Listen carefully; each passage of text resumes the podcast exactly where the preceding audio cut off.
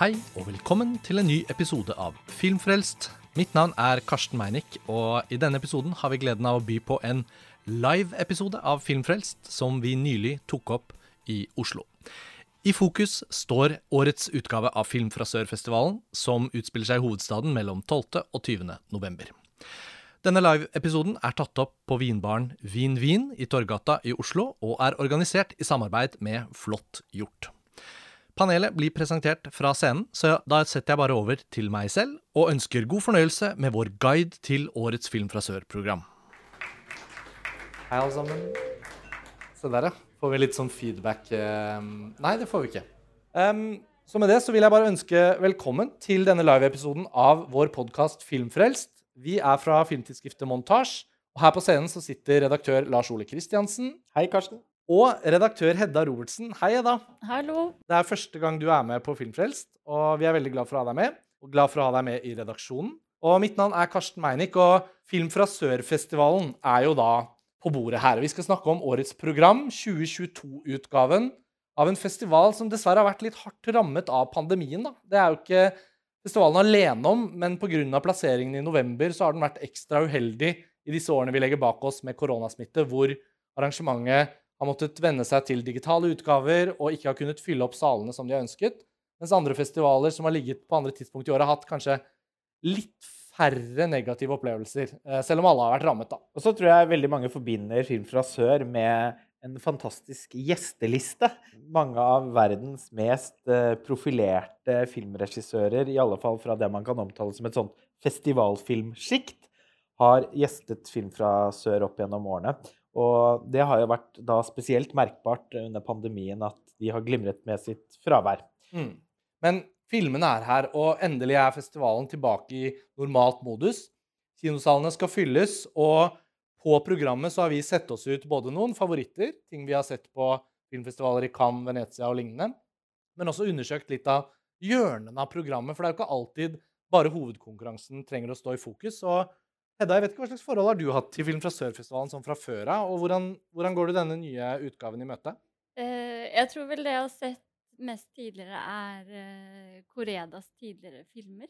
Og det er vel også blant de jeg syns er best på årets program. Koreda og Park Chan-wook. Ja. Og noen animasjonsfilmer. Ja, og Hirokazu Koreda og Park Chan-wook er jo to av de gjestene da, som tidligere har vært på filmfestivalen. Og i en tidligere episode av Filmfrelst så kunne vi da bruke den samtalen vi hadde med Park Chan-wook da han var her i Oslo. Så det var jo eh, fantastisk. Og hans nye film 'Decision to Leave' er jo årets åpningsfilm. Vi kunne jo egentlig starte der, da. Lars Ole, da du og jeg så den i Cannes i mai, da var jo det uten tvil høydepunktet. Kanskje ved siden av Ruben Østlunds film, som kunne bli veldig god. Den vant jo Gullpalmen, men begge vi var jo litt uh, på gjerdet rundt den. Ja, jeg hadde ikke så store forventninger til den nye Østlund-filmen. Uh, men Park Chan-wooks 'Decision to Leave' var nok den uh, jeg gledet meg aller mest til å se, faktisk, fra hele hovedkonkurransen i Cannes. Og den ble også for meg og for ganske mange andre stående som den fremste filmen da, fra årets utvalg. Hans forrige var 'Kammerpiken', mm. en romantisk, erotisk thriller som altså er så pustberøvende virtuos og så innmari spennende fortalt at det er en film man har endt opp med å vende tilbake til igjen og igjen. Og hver eneste gang så har man sittet igjen med følelsen av å egentlig ha sett den litt for første gang.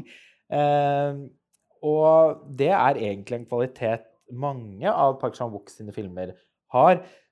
Oldboy vil jo sannsynligvis for alltid være den han er aller mest eh, kjent for. Det ble jo en enorm kultfilm eh, på, på 2000-tallet, frontet av Quentin Tarantino, som var jurypresident i Cannes det året den hadde premiere, og overraskende nok ikke skjenket den Gullpalmen. Altså, Den fikk jo Grand Prix. Ja, mens Michael. Moores eh, dokumentar 'Fahrenheit 9-11' stakk av med Gullpalmen.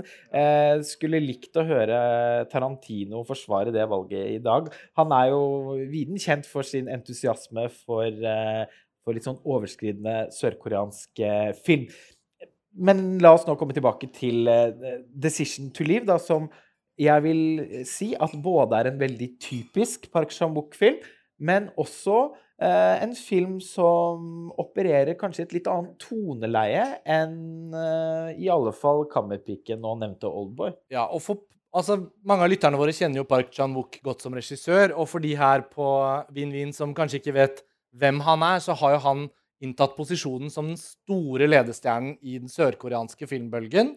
Og på mange måter så er han generalen i, i det filmmiljøet. Selv om mange nå kanskje vil hevde at Bong Joon-ho eh, i kjølvannet av 'Parasitt' har overtatt den eh, posisjonen. Ja. Men jeg er komfortabel med å si at begge to er eh, ledestjerner i den eh, moderne, eller nye sørkoreanske filmen. Ja, men den mest populære sørkoreanske film- og TV-produktet er jo Squid Game. Så for mange så har jo inngangen til sørkoreansk film- og TV-kultur egentlig skjedd på Netflix de siste to-tre årene. Og eh, Hedda, med, med Park Chan-wook og 'Decision to Leave', hvor kan vi plassere denne nye filmen? Hva er dens identitet mest i forhold til de andre filmene? Oldboy er veldig eksplisitt voldelig. Kammerpiken er ganske eksplisitt rent sånn seksuelt og erotisk. Eh, hvordan vil du plassere 'Decision to Leave'? Mm, ja, altså jeg så Oldboy for første gang nå for en uke siden bare. Ja, OK. Den syns jeg var veldig sånn eh, gutteromshorror. Foregår veldig mye innendørs, egentlig. Kammerpiken så jeg også på nytt nå nylig. Den er jo mer sånn eh, lesbisk erotikk, og også mye kammerspill. Men også sånt, en lek da mellom eh, en tjenestejente og en adelskvinne. Mm. Som begge egentlig har en litt sånn utspekulert plan overfor hverandre. Eh, så 'Decision to Leave' i sammenligning er veldig mye mindre kroppslig. Eh, men det er også her en sånn katt og mus-lek mellom da en politibetjent Mm. og en kvinnelig mistenkt. Ja. Eh, så det er på en måte det spillet mellom de to vi eh, følger. Og den er mye mer en slags noir. Veldig stilig, veldig virtuos, veldig vakker. Fantastisk musikk. Gustav Mahler blant annet. Og veldig sånn storslåtte landskap. Mye sånn mystikk. Eh, og en slags avstandsforelskelse. Som aldri blir helt sånn fullbyrda. Nei, fordi eh, de to hovedpersonene i filmen er jo da en etterforsker som eh, det er et eh, underlig dødsfall som er inntruffet. Og eh, hans eh, kinesiske kjæreste blir eh, på en måte utpekt som en potensiell mistenkt, bare fordi det er noen eh, omstendigheter her som eh, i alle fall er uavklart. Og han blir umiddelbart så betatt av henne at eh, han egentlig mister saken litt av syne. Eh, hun blir et mysterium som skal uteskes. Og eh, det oppstår en romanse, men som på en eller annen måte er veldig platonisk. Altså, det virker som om begge er forelsket i forelskelsen, Mm. eh, og forelskelsens mystikk. Og eh, det er jo en film som, som er konstruert på en måte som gjør at jeg vil tro at mange kanskje vil oppleve den som Altså tilkneppet ikke i den for, altså, Og da tenker jeg ikke på at det ikke er så mye kropp i filmen som det var i Kammerpiken. Og derfor er nærliggende å tenke at vil inntreffe i løpet av denne filmen også. Men, men at den har noe litt sånn u...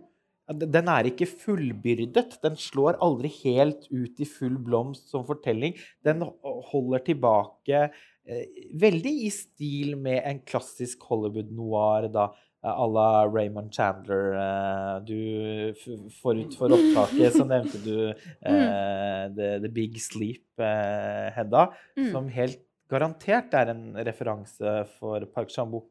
Og jeg tenkte også ganske mye på Hitchcock underveis. Han har jo tidligere laget én film som må kunne sies å være en slags Hitchcock-pastisj, som er Stoker, hans eneste engelskspråklige film. Han har vel å merke også laget en engelskspråklig serie, som jo er en slags ny take på Alfred Hitchcocks 'Shadow of a Doubt'.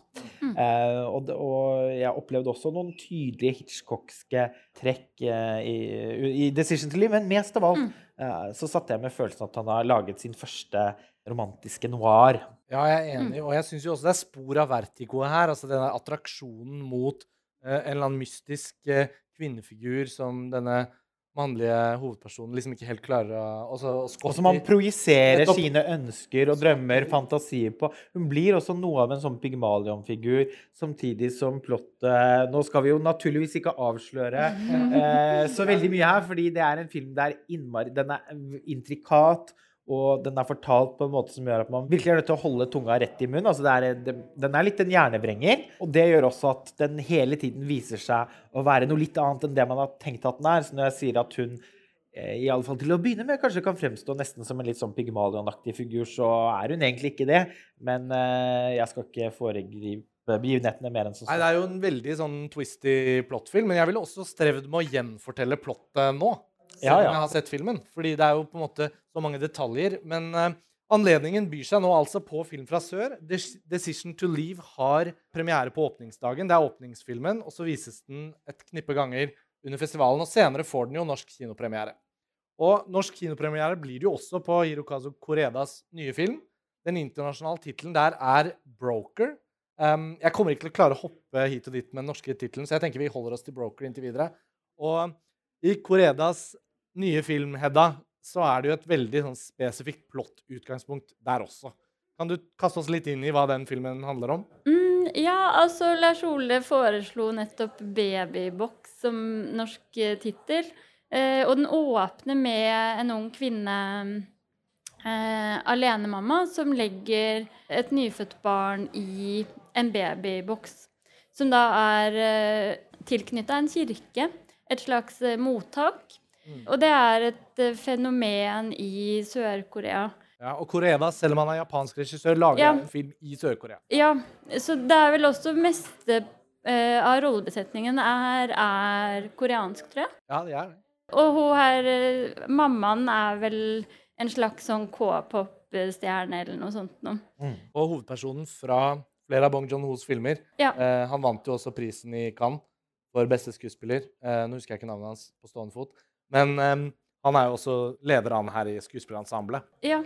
Og han sitter da på liksom andre siden av veggen i denne kirken, tar imot barnet, og han har en slags business på siden hvor han da selger babyer på et eh, svart marked, eller illegalt marked. Så det er en veldig rotete film. Det, det gjelder jo mange av Koredas filmer. Eh, og er på en måte både en styrke og en svakhet. Um, men det handler som tidligere om en eh, alternativ familiekonstellasjon. Om oppvekst, om mors- og fars relasjoner. Og så følger vi da eh, de her to mennene som skal prøve å selge babyen, og den biologiske moren som på en måte ikke helt har klart å gi slipp. Og to kvinnelige politibetjenter som driver og følger med på siden. Ja, for hele Ja. denne situasjonen blir jo faktisk observert av noen sånne spanende politifolk. Og det er litt sånn befriende i denne filmen at endelig det er noen politietterforskere spilt av kvinner. Så får man litt sånn annet perspektiv på det. Og med denne babyen og skjebnen til babyen i sentrum, så syns jeg det var en av de heldige vriene. Og Lars Ole, vi snakket jo om denne filmen og 'Decision to Leave' i en podkastepisode fra Cannes, så selv om det liksom kryr litt etter å diskutere den, så kjenner jeg at jeg er nysgjerrig på å høre hva du tenker om filmen, Heda. Altså, Koreda på sitt beste har laget noen av de aller fineste og sterkeste moderne japanske filmklassikerne. Eh, men han har også noen sånne mellomfilmer, sånn som 'Etter stormen', eksempel, som gikk på kino i Norge. og Jeg tror den også ble vist på Film fra Sør i sin tid. Men som ikke er dårlig, men som på en måte bare legger seg litt i sånn mellomsjiktet. Nå er det noen måneder siden jeg så den, men for meg har liksom Broker landet litt i samme område. da, Hvor det er mye interessant å tenke på rundt filmen, men sammenlignet med f.eks. Shoplifters eller andre høydepunkter i Koredas etter hvert ganske mangfoldige karriere, da, så følte jeg at denne var litt sånn mellomfilm. Men hva Jo, jeg opplever også at den er veldig ujevn. Eh, og at han, ja, som du kaller det, en slags mellomfilm hvor han på en måte tester ideer, men at de ikke føles så sterke. Eh, jeg syns alltid egentlig at hans filmer er veldig varme, veldig humanistiske. Så det er en film jeg ville sett på nytt, eh, og anbefaler å se. Eh, men jeg syns jo tidligere ja, Shoplifters og Som far så sønn, eksempel, er jo sterkere. Mm. Men ja, jeg syns den var interessant likevel. Og mye sånn morsomme detaljer. Mye god dialog.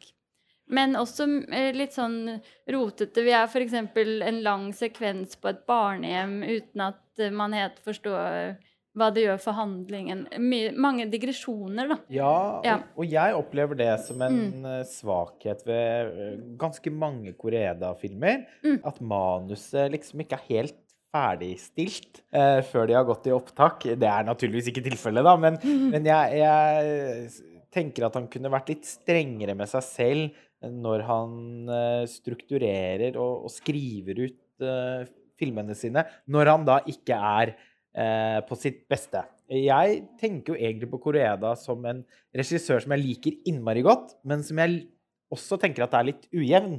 Altså, jeg føler at omtrent sånn hver tredje Koreeda-film er tindrende eh, fantastisk. Som 'Shoplifters', for eksempel, eller 'Søstre'. Eller uh, 'Still Walking'. Han har jo tatt en liten avstikker etter Shoplifters òg, da. Han var i Frankrike og lagde La Verité. Ja, den var jo Nå Sør-Korea for å lage. Broker. Jeg foretrekker at han lager filmer i Japan, det må jeg bare Ja, si, da. men den, den eh, La Verité, den har ikke i hvert fall blitt noe dårligere i mitt minne. etter de årene som har med gått. det. Den gjorde litt inntrykk på meg, egentlig. Jeg husker jeg snakket om det, i også, at jeg var litt mer pro enn dere andre. Men hvis regnestykket med hver tredje Koreda-film skal slå inn, så kanskje det neste, Altså, jeg, jeg føler at eh, ja, neste filmen blir det store, da. han er litt sånn samme syklus som kanskje Woody Allen har hatt de siste 20 årene. ikke sant? At Ja. mellom hver matchpoint eller uh, Midnight in Paris så er det noen, et par bra, solide, men, men ikke kanskje helt vellykkede filmer. Og Broker for meg havner i, litt i den uh, kategorien da, dessverre. Rett og slett bare fordi at jeg syns at han bruker for lang tid på å fortelle den eh, historien. Jeg syns han har for, jeg synes det er for få scener i filmen som virkelig gjør inntrykk. Eh, og der blir den der blir det veldig brutalt å sette den opp mot Shoplifters, men jeg tenker at det er uunngåelig, fordi det er så mange overlappende tematiske ting der. Da. Altså, igjen så er det en sånn litt sånn Charles Dickens-aktig eh, familiesammensetning. Eh, der eh, altså, blod er ikke nødvendigvis tykkere enn en vann. Eh, det er mennesker på skråplanet som har funnet sammen, og som eh, vi utviser omsorg for hverandre på en måte som de menneskene de da faktisk har vært i familie med, ikke har gjort. Eh, men jeg sitter bare igjen med følelsen av at Broker er en, en slags ønskereprise, men også en B-side da, eh, av, eh, av Shoplifters, og at den mangler scener som jeg liksom umiddelbart får lyst til å vende tilbake til å oppleve igjen. Jeg savnet også i filmen en, tak, et, en mer sånn taktil nærhetsfølelse i møte med karakterene. Jeg syns ofte Koreeda kan være veldig god på å bringe oss veldig tett på menneskene han skildrer. Eh, Jeg syntes egentlig at Broker var litt kald eh, til å være Koreda. Jeg tror også det har noe å gjøre med at filmen er skutt på digital video og ikke 35 mm. Som også Jeg lurer på om det Ja, den La Verité var kanskje første ikke-analoge Koreda-film. Han har i alle fall for vane å, å skyte på 35 mm. Så kanskje det også kom litt i veien. Jeg er jo veldig personlig veldig opptatt av, eh, av tekstur eh, i, og filmfoto. Så men, men alt i alt så, så syns jeg det var en, en litt underveldende, men tross alt fortsatt en god filmopplevelse. Altså fordi Ja, og- Koreda lager god film. Og paradokset når man snakker om de store altså Her har vi jo snakk om to store asiatiske mestere fra vår tid som er gjengangere på Film fra Sør-festivalen, og som begge uh, Vi stiller høye forventninger da, når de kommer med en ny film. Og hvis uh, 'Broker' var et debutarbeide fra en uh, ny regissør, så ville man kanskje hevet øyenbrynene på en måte litt mer, for man ville sett på at her var det en som var i stand til å behandle en tematikk og dykke inn i noe som egentlig er litt sånn komplisert. Tematikk. Ellers, ellers så overvurderer man filmen litt også fordi det er Koreda. Ja. Filmen har, altså Kritikermottakelsen har tross alt vært veldig god. Ja. Så jeg Det vil være opp til publikum å bestemme. Jeg tror uansett at Jeg er ikke så sikker. ehm, den foreløpige norske tittelen er uh, ikke helt uh, min favoritt når man ser på norske titler til filmer. Så jeg foretrekker å fortsette å kalle den Broker og håpe at distributøren snur. Jeg eh, sa før opptaket her at uh, jeg syns at filmen skulle het Babybox. Jeg mener at det burde både vært den internasjonale og den eh, norske tittelen. Fristende å ta kontakt med distributøren. Eh, Jeg tror at det ville vært en tittel som gjorde at flere ble nysgjerrige på å se den, i og med at eh, disse babyboksene er et spesifikt sørkoreansk fenomen. Ja. Det er jo òg en annen innvending mot filmen, at hvis Korea da først skal lage en film utenfor Japan, i Sør-Korea, så syns jeg godt han kunne fått noe mer ut av den koreanske settingen. Altså, jeg Mm. opplever jo også at filmen på en eller annen måte like gjerne kunne vært laget i Japan, kanskje med unntak Ja. av det Ja, babybox-premisset. eh, At han ikke får hentet ut nok eh, kulturelt spesifikt til at eh, den kan gi noen nye farger til filmografien hans. Ja. For de som befinner seg her på Vinbaren Vin Vin i Torgata i Oslo, og som ikke helt vet hva vi snakker om, så er vi da midt i en podkast om den kommende Film fra Sør-festivalen, som starter 12.11. her i Oslo. Vi er fra filmtidsskriftet Montasj, og vi skal fortsette å snakke om programmet på årets utgave. Um, nå som vi har vært innom Park Chan-wook og Hirokazu Koreda, så tenkte jeg da jeg så over programmet i forberedelse til denne episoden, at festivalen har faktisk programmert inn en god del titler som jeg har sett på festivaler, og som kanskje ikke helt har fått noe særlig oppmerksomhet. Um, og jeg tenker at det kunne vært fint å ha en kort, liten runde på en del titler som befinner seg litt sånn rundt omkring i programmet. Og jeg kan jo nominere meg selv til å starte. Det er en chilensk film som heter 1976, som jeg oppdaget i sideprogrammet Canzen i Cannes i år, og som jeg syns var veldig fin. Og så har det ikke vært så mye snakk om den etterpå. Jeg gikk alene og så den der nede og hadde liksom ingen å snakke med den om. Og det har jeg for så vidt ikke nå heller, for ingen av dere har sett den. Men militærkuppet i Chile har blitt tematisert og fortalt om i ulike typer filmer. Dokumentaristen Patricio Guzman, som vi snart skal komme tilbake til, for han har også en ny film på programmet i Film fra Sør i år, han har selvfølgelig laget filmer om dette. Vi har sett Costa Gavras 'Missing', som handler om dette, og mange ulike andre innganger. Og her får vi et nytt perspektiv til den fortellingen. Fordi i denne filmen så tar eh, filmskaperne perspektivet til en kvinne fra borgerskapet. Som på alle mulige måter befinner seg i en familie som egentlig ønsker dette militærkuppet litt sånn velkommen. Og hun rives og slites likevel med det moralske spørsmålet som oppstår når presten i lokalsamfunnet sier at vi har en skadet um, uh, sosialist i kirken. Han har uh, stått imot militærkuppet, men han trenger hjelp, og hun er lege. Og dermed velger hun da å bistå presten, men ikke si noe til noen i sin familie. Så samtidig som liksom svømmebassenget pusses opp i villaen deres, så lever hun en sånn parallelltilværelse som eh, hjelper og medløper til eh, de som ønsker å styrte da dette militærdiktaturet. Så det er plott-utgangspunktet. Og måten filmen er laget på fra eh, For meg et sånn ubeskrevet blad regissøren. Eh, hun husker jeg ikke navnet hennes, dessverre. men Filmen er i Film fra Sør-programmet, og det er et sånt tilfelle hvor jeg har veldig lyst til å trekke den fram og anbefale folk å gå og oppsøke den. Det er kanskje ikke den største, lengste, mer sånn omfattende filmen som, som trekker inn alle mulige elementer av samfunnet, men tvert imot mer et sånt karakterstudie av én person som stiller seg moralsk overfor et sånt spørsmål. Og i vår tid hvor det er mange land som strever nå veldig aktuelt med krigen i Ukraina, da, hvor man ikke har så vanskelig for å stille seg på den ene eller den andre siden fordi okkupasjonen er så tydelig, så er det jo veldig vanskelig innad i et land når et sånt kupp skjer. Og, om man ønsker bare at det skal være stabilt og rolig, og bare livet fortsetter som det var, fordi man er i middelklassen og egentlig har det helt ok, eller om man innser at mer enn halvparten av befolkningen i landet vårt er nå kastet inn i en uutholdelig tilværelse. Da. Så jeg syns å følge hennes eh, reise i denne filmen, 1976 som den heter, var veldig interessant. Og det var et hav av filmer i Cannes, og den gikk litt inn i arkivet, liksom. Men så våknet den til live da jeg så den i programmet. Jeg ville gjerne trekke den frem. Jeg er veldig glad for at de har programmert den inn.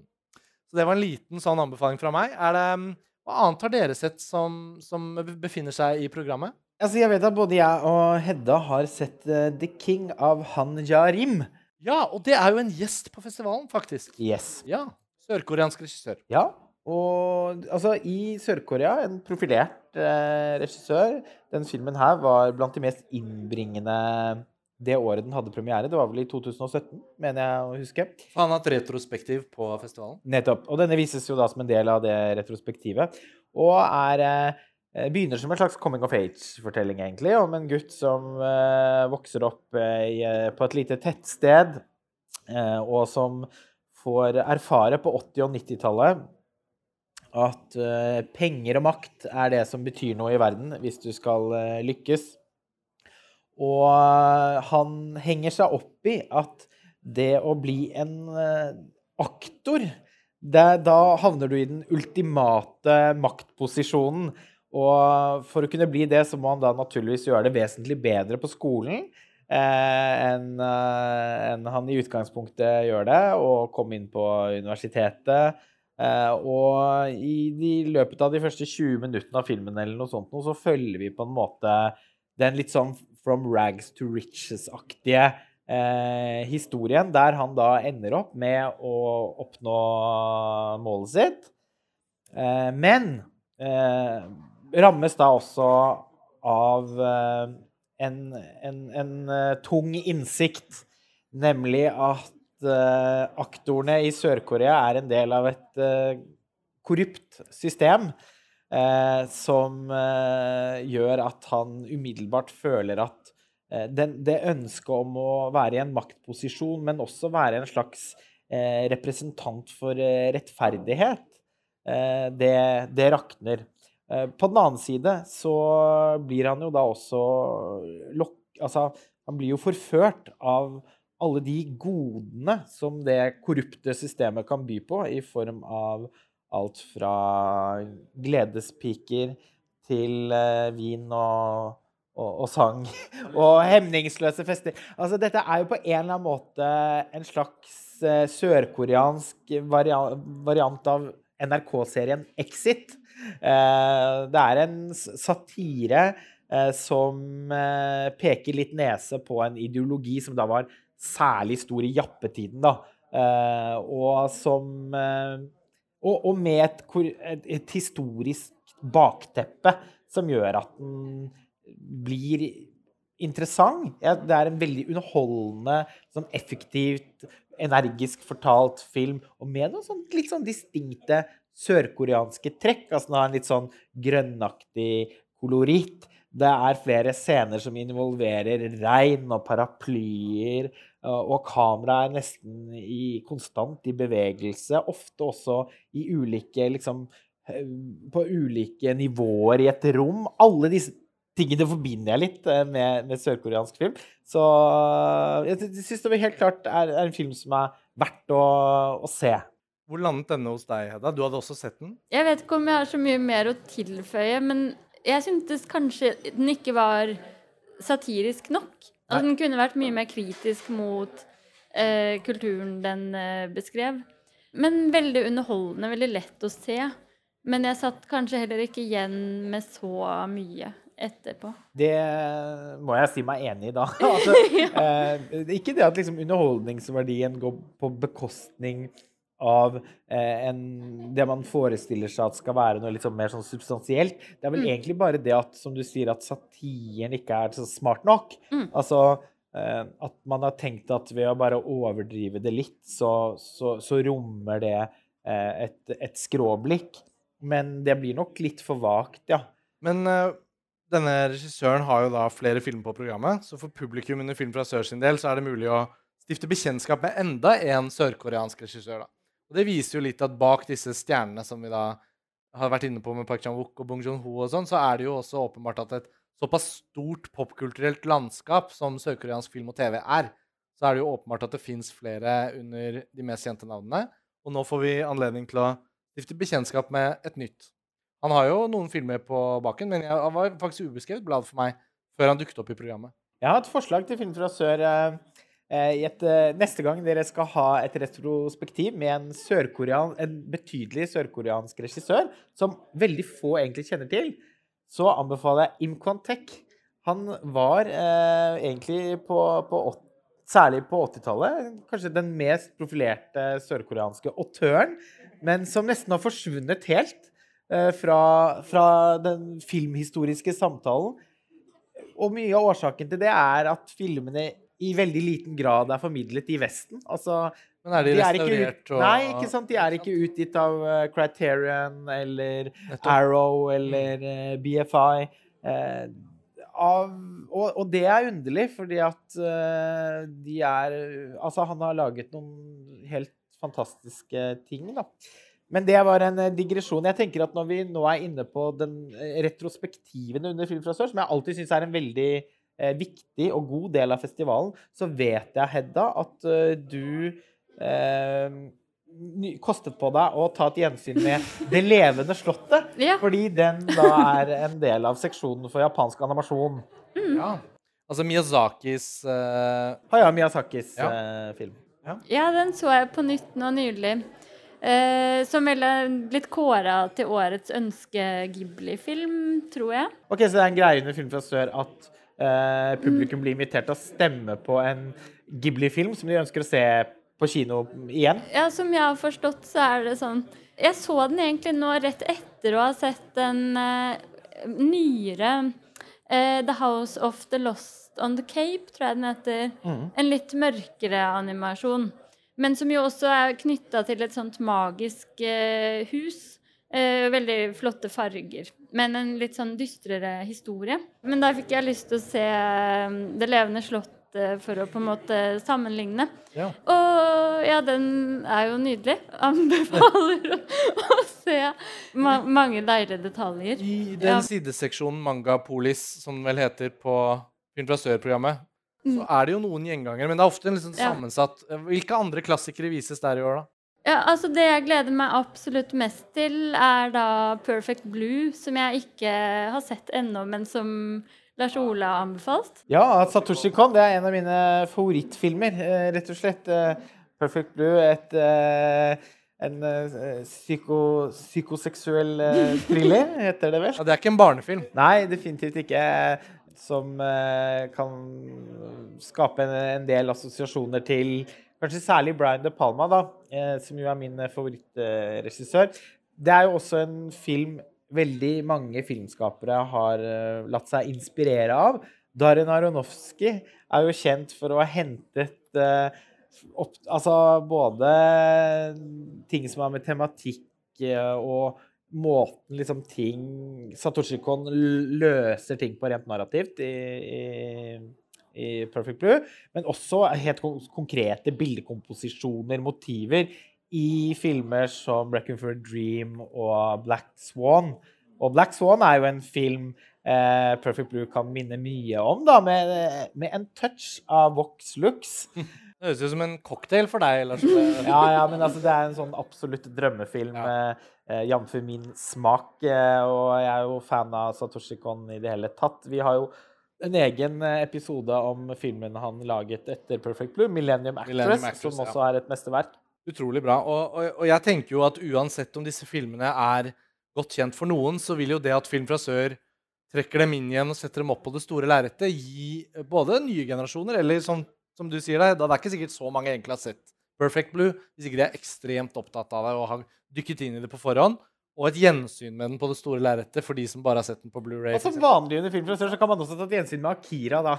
Ja, Akira skal også vises, ja, selvfølgelig. Det, ja, Aldri feil å se. det er aldri feil. Og eh, jeg må jo da henge meg på dette retrospektivtemaet, da, fordi det er jo enda et retrospektiv som er knyttet til en ny film av en regissør som har vært en viktig eh, del av Film fra Sørs på en måte Hva skal vi si? Det går en akse gjennom hele festivalens historie knyttet til visninger av iransk film.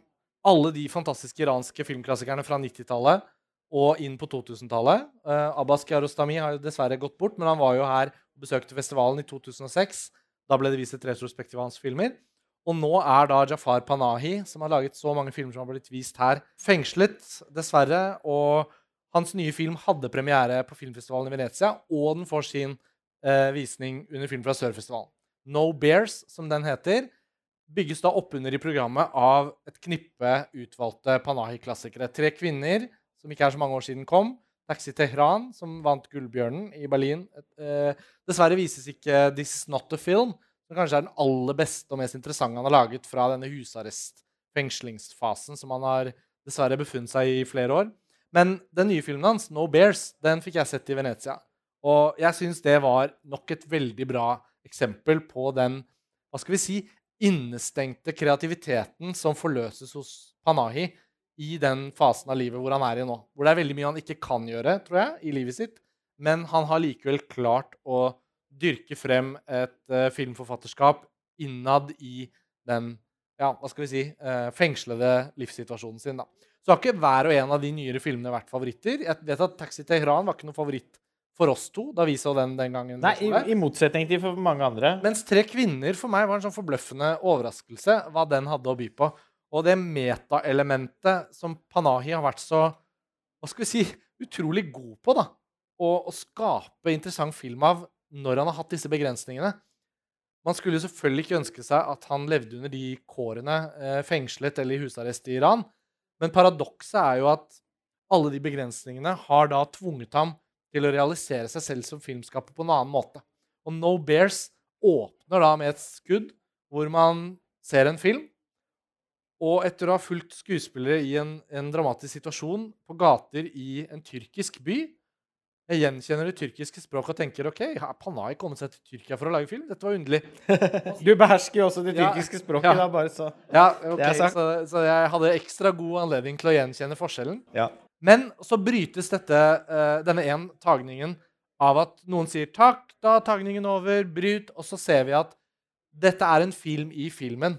Og så kommer vi ut av en dataskjerm, og så viser det seg at Panay sitter i en landsby over grensen til Iran og fjernregisserer et filmteam som spiller inn en film liksom på hans vegne. Um, og med det som utgangspunkt så inviteres vi da til å tolke filmen veldig ut ifra metaelementet. At Jafar Panahi er en rollefigur i sin egen film. Men filmen vi ser, er jo også en fiksjon. Men spørsmålene om hva som er dokumentar og hva som er fiksjon, blir jo da også aktualisert av at i denne landsbyen eh, nordøst i Iran, så han, havner han inn i en sånn landsbyforvikling. For mens han går rundt der og bare er på, på, på, på besøk og leier et rom hos noen, så tar han litt sånn bilder rundt omkring i landsbyen. Og så viser det seg da at et brutt giftermål, forlovelse, i en eller annen klan kan bevises fordi et barn har sett Panay ta bilde av to hemmelige elskende under et tre. Panay nei, jeg har ikke tatt dette bildet, dere kan se gjennom minnekortet mitt osv. Så, så, så blir jo vi i tvil. da. Har Panahi tatt dette bildet, eller har han ikke?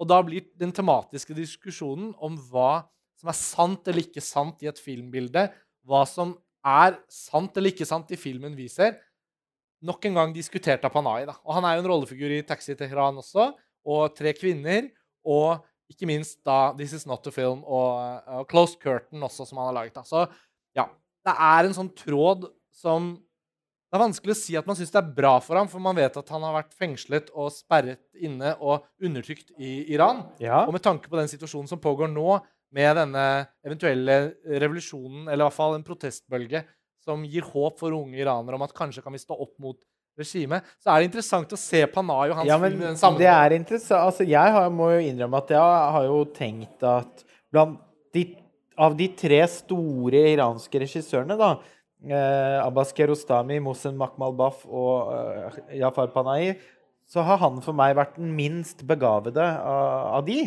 Rent sånn visuelt, tenker du? Eller? Jo, men altså Og jeg syns heller ikke han har Hans tidlige filmer rommer den samme originaliteten, da. Som f.eks. en film som A Moment of Innocence til Makmalbaf, Mm. eller hans mesterverk Gabbe. Og utallige Kiarostami-filmer. som- Panahi var jo assistent for Kiarostami. og Han er på en måte på sin mesters skuldre òg, da. Litt. jeg kan vel, Hvis jeg skal omformulere meg, så kan jeg si at jeg alltid har opplevd Panahi som en ganske overvurdert eh, filmskaper.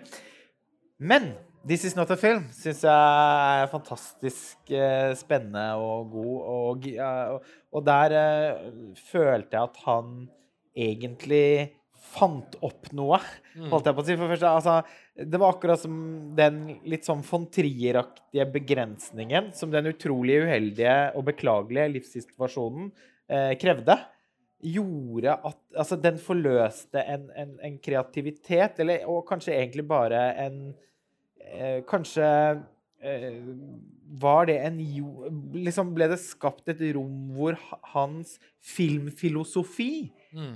fikk eh, vokse på en annen måte, og egentlig ut ifra mitt blikk bli til.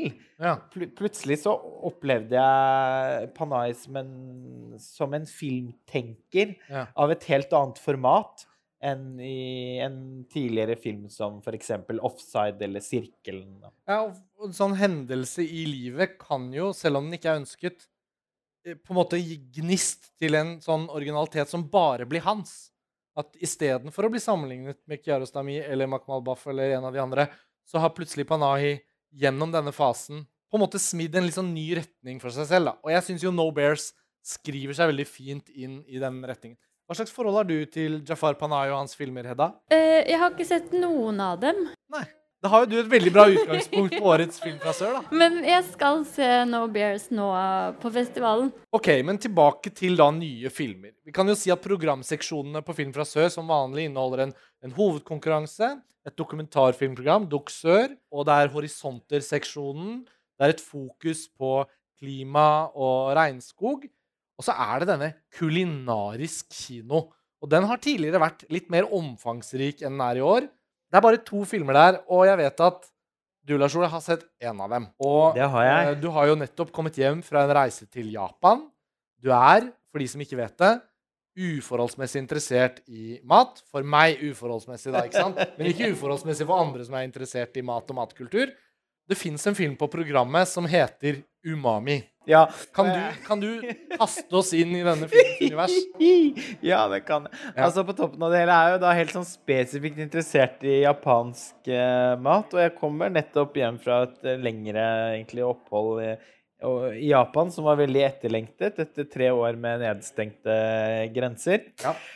Og Umami Jeg syns jo da overhodet ikke at Umami er noen god film, men jeg må likevel anbefale den. Ja, for du sa til meg at du hadde en anbefaling. ja, det er en Eh, opplevelse. Ja, så nå må du liksom Skal vi til Japan? Er det helt corny og rart? Vi skal til Japan, men først skal vi til Frankrike. Der eh, landets mest berømte kokk er spilt av ingen ringere enn Gerard Depardieu.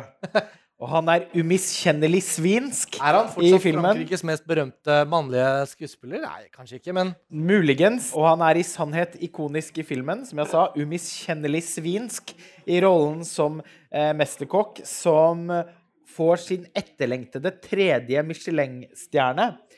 Men som i kjølvannet av det ikke opplever eh, lykkefølelse. Og han har på en måte halvveis spist og drukket seg i hjel, og rammes av et hardt hjerteinfarkt og må gjennomgå en sånn triple bypass-operasjon eh, og noe sånt. Okay. Eh, og han blir da veldig eksistensiell i, i etterkant, og et gammelt minne eh, rinner ham i hu. På 70-tallet, på et eller annet tidspunkt, så var det et verdensmesterskap i kokkekunst der han ble slått på målstreken av en japansk kokk som serverte en tilsynelatende enkel bolle med ramen. Og det, dette har plaget ham siden. Og nå ønsker han jo på en måte å revitalisere seg selv og bruke den siste tiden av livet sitt til å eh, kanskje gjenopprette en nærkontakt med, og, og, og, kjærl- til mat og, og kjærlighet til mat. Og velger da å reise til Japan og en, by langt nord i Japan. Jeg vil tro det er Hokkaido, men er ikke 100% sikker på det. Eh, for å forsøke å identifisere denne kokkens restaurant. har de hatt noe kontakt da, tror du? Nei, de har ikke hatt noe kontakt eh, i mellomtiden. Og formålet for reisen er at han skal forstå hva umami er for noe. Jeg syns jo det er et utrolig lattervekkende premiss da at verdens, med, i det minste Frankrikes mest berømte kokk, egentlig ikke er godt kjent med umami og hvordan man kan frambringe den smaken. En hvilken som helst amatørkokk eh, kan jo bare åpne en eh, boks med ansjos, og så er vi i gang. Eller koke noe kraft på kyllingbein eller svin. Men han klarer da å identifisere den japanske kokkens eh, ramen-restaurant. og entrer scenen på typisk depardieusk vis. Og det er jo da utrolig gøyalt, men også helt sånn eh, forferdelig på en måte, at, at filmen blir en sånn fish out of water-fortelling, hvor da Depardieu's rollefigur Og jeg klarer bare å tenke at det er han selv. At Ja. det er Depardieu. For han er jo også veldig kulinarisk. Ja, han har vært leder jo- for masse matprogrammer i Frankrike. Han spilte jo kokk også i den Life of Peace, eller hva?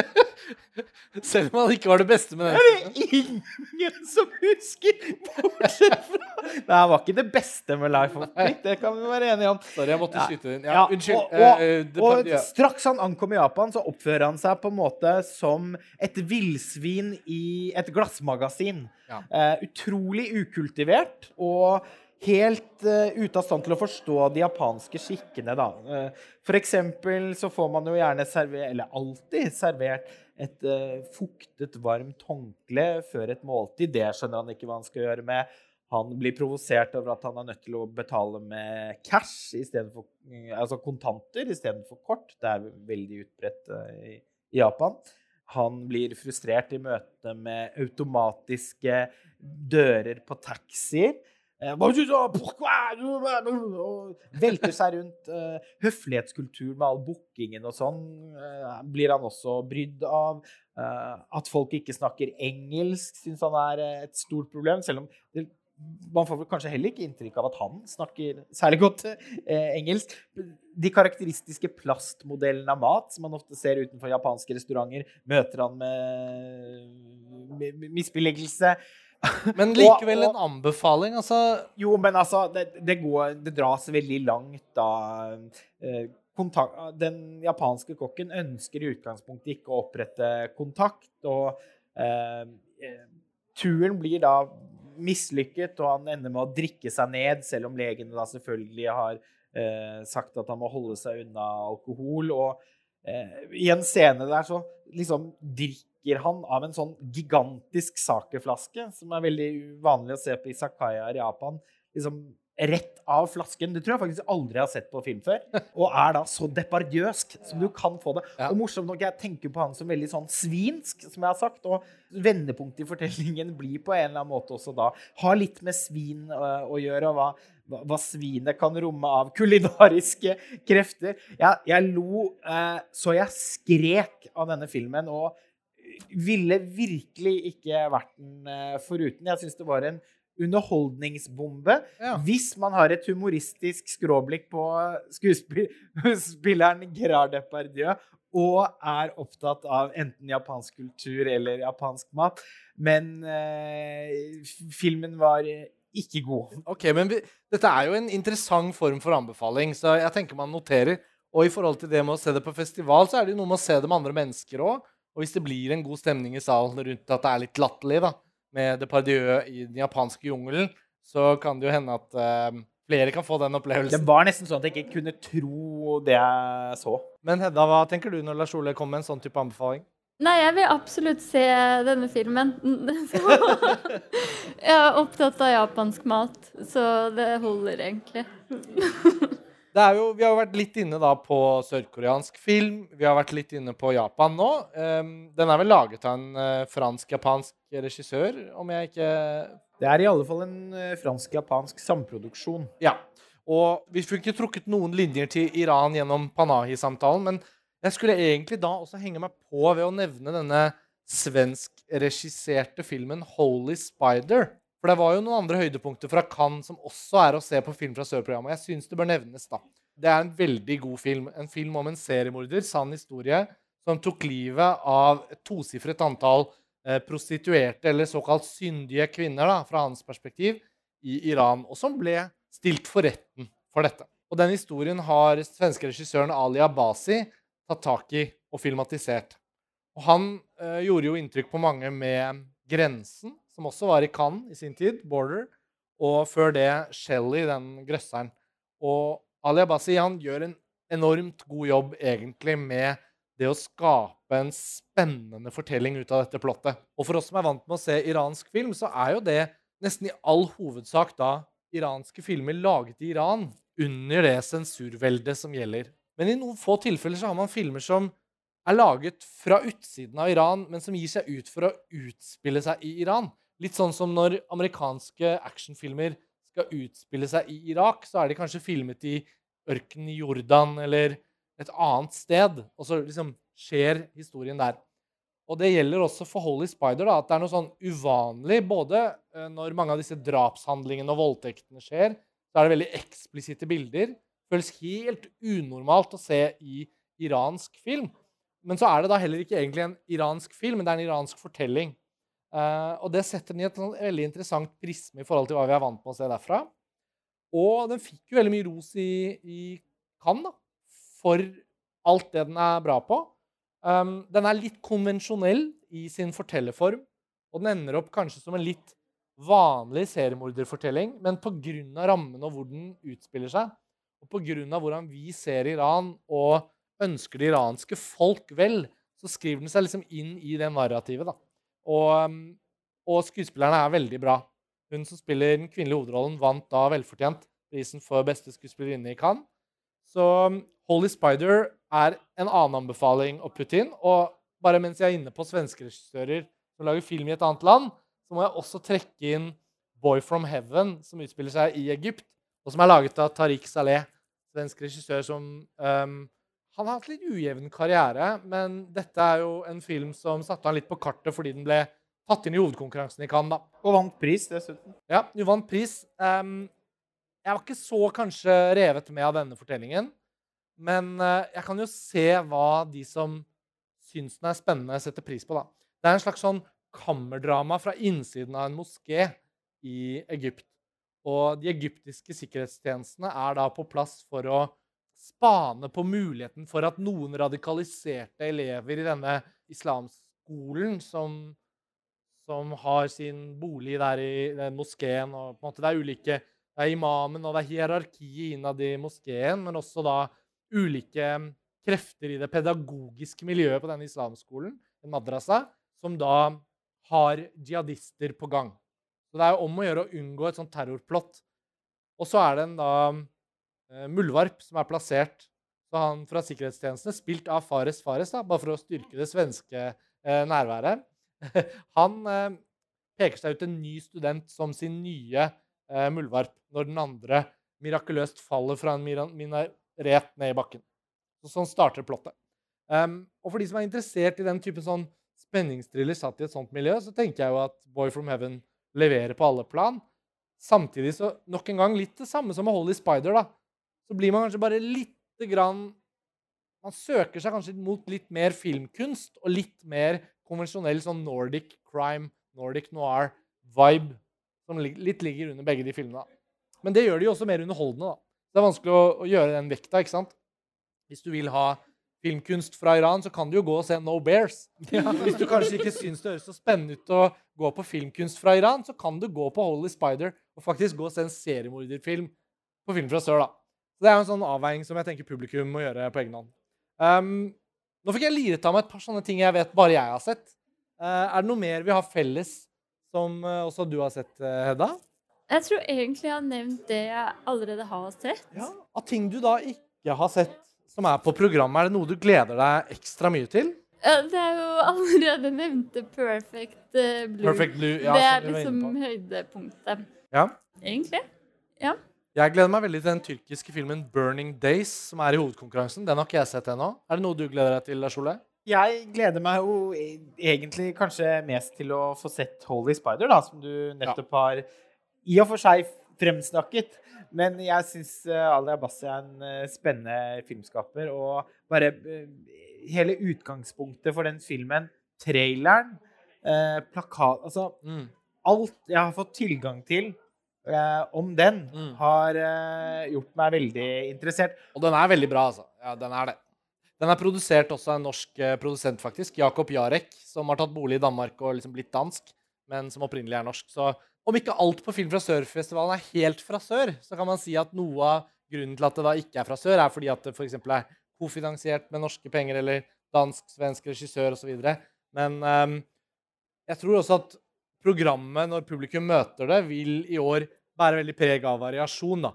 At det er en ganske sånn stor uh, vifte som brettes ut. Og hvis man er vant med å gå på Film fra Sør-festivalen og savner å gå og se film eh, uten at det er pandemi, så er jo i år muligheten man har. Og da velger man seg kanskje det man kanskje allerede har litt interesse for, eller man søker seg mot noe man ikke har sett allerede. For meg er nok det dokumentarprogrammet der jeg har sett minst. Jeg skulle jo gjerne likt å se både den kinesiske filmen 'Hidden Letters' om et språk i Kina som bare kvinner eh, kommuniserte med. Virker veldig interessant. jeg har sett denne Patricio Guzman-filmen, 'My Imaginary Country', som jeg nevnte litt i stad. Nå høres det ut som jeg er ekstremt opptatt av Chile på 70-tallet og, og militærkuppet og sånn, fordi jeg er så opptatt av noen av de filmene. Men de er nå engang veldig bra filmer, da. Og uh, Guzman returnerer da til sin favorittematikk ved å hylle den unge generasjonen som klarte å skape revolusjon i Chile nå i 2019, da, rett før pandemien. Uh, nå kom jo ikke den grunnloven gjennom og ble stemt frem av befolkningen, men det er en veldig veldig eh, melankolsk og litt sånn vakker avslutning, tror jeg, på Guzmans filmografi. da. Um, så den er i Dock Sør, men det er mange andre filmer der som jeg ikke har sett. Så ja, jeg tenker til både lytterne våre og publikum så er det verdt å oppfordre til å gå litt sånn eventyrlig til verks i programmet. da. Definitivt. Ja, jeg eh, jeg syns det høres ut som at det er, de, det er der vi har havnet i vår podkast nå, at uh, vi har ikke Altså, det er jo da grenser for hvor mange filmer vi faktisk da Sett i har sett Ja, ja, i forkant av festivalen. Vi skal jo også delta på Film fra sør, og jeg, i alle fall, jeg har i alle fall blitt inspirert eh, til å sjekke ut noen ting på bakgrunn av eh, filmer som dere har løftet fram, og satse på at det også er tilfellet for eh, flere av de oppmøtte her på Vin Vin i kveld. Ja, og For å oppsummere så kan vi jo da bare oppfordre nok en gang alle sammen, både dere her på Vinbaren Vin Vin og dere som hører på podkasten. Film fra Sør-festivalen går over en drøy uke, og filmene vises på ulike kinoer rundt omkring i hovedstaden. Den er tilbake i full vigør etter noen eh, år med pandemi, og det gjelder jo også for utelivet i hovedstaden strengt tatt gjennom dette året. At høsten 2022 så er det mange som skal ha sitt første julebord på tre år. Og så, videre, så hvis man er litt sånn feststemt nå i mørke, triste november, så er Film fra Sør-festivalen en god anledning til å starte på den feiringen inn mot jul. da. Og, og Film fra Sør-festivalen vil da også prege dette stedet som vi nå er på, Ja, eh, gjennom eh, uken. Eh, Det eh, er på en måte da det, det, det offisielle Selskapslokalet, kan vi si det sånn. til eh, årets Film fra Sør-festival. Så det kommer til å skje flere arrangementer her på Wien Wien i forbindelse med avviklingen av festivalen. Så med det så kan vi egentlig bare avslutte denne livepodkasten her fra Wien Wien. Og til dere som hører på Filmfrelst, så er det bare å stålsette seg for at nye episoder ankommer i tett rekkefølge videre utover i november. Vi har mye på plakaten. Hedda, Lars Ole, takk for denne praten. Takk til alle dere som har hørt på, og til dere der hjemme. Gå på film, gå på Film fra sør. Takk for oss. Takk for oss. Ha det bra. Ha det bra.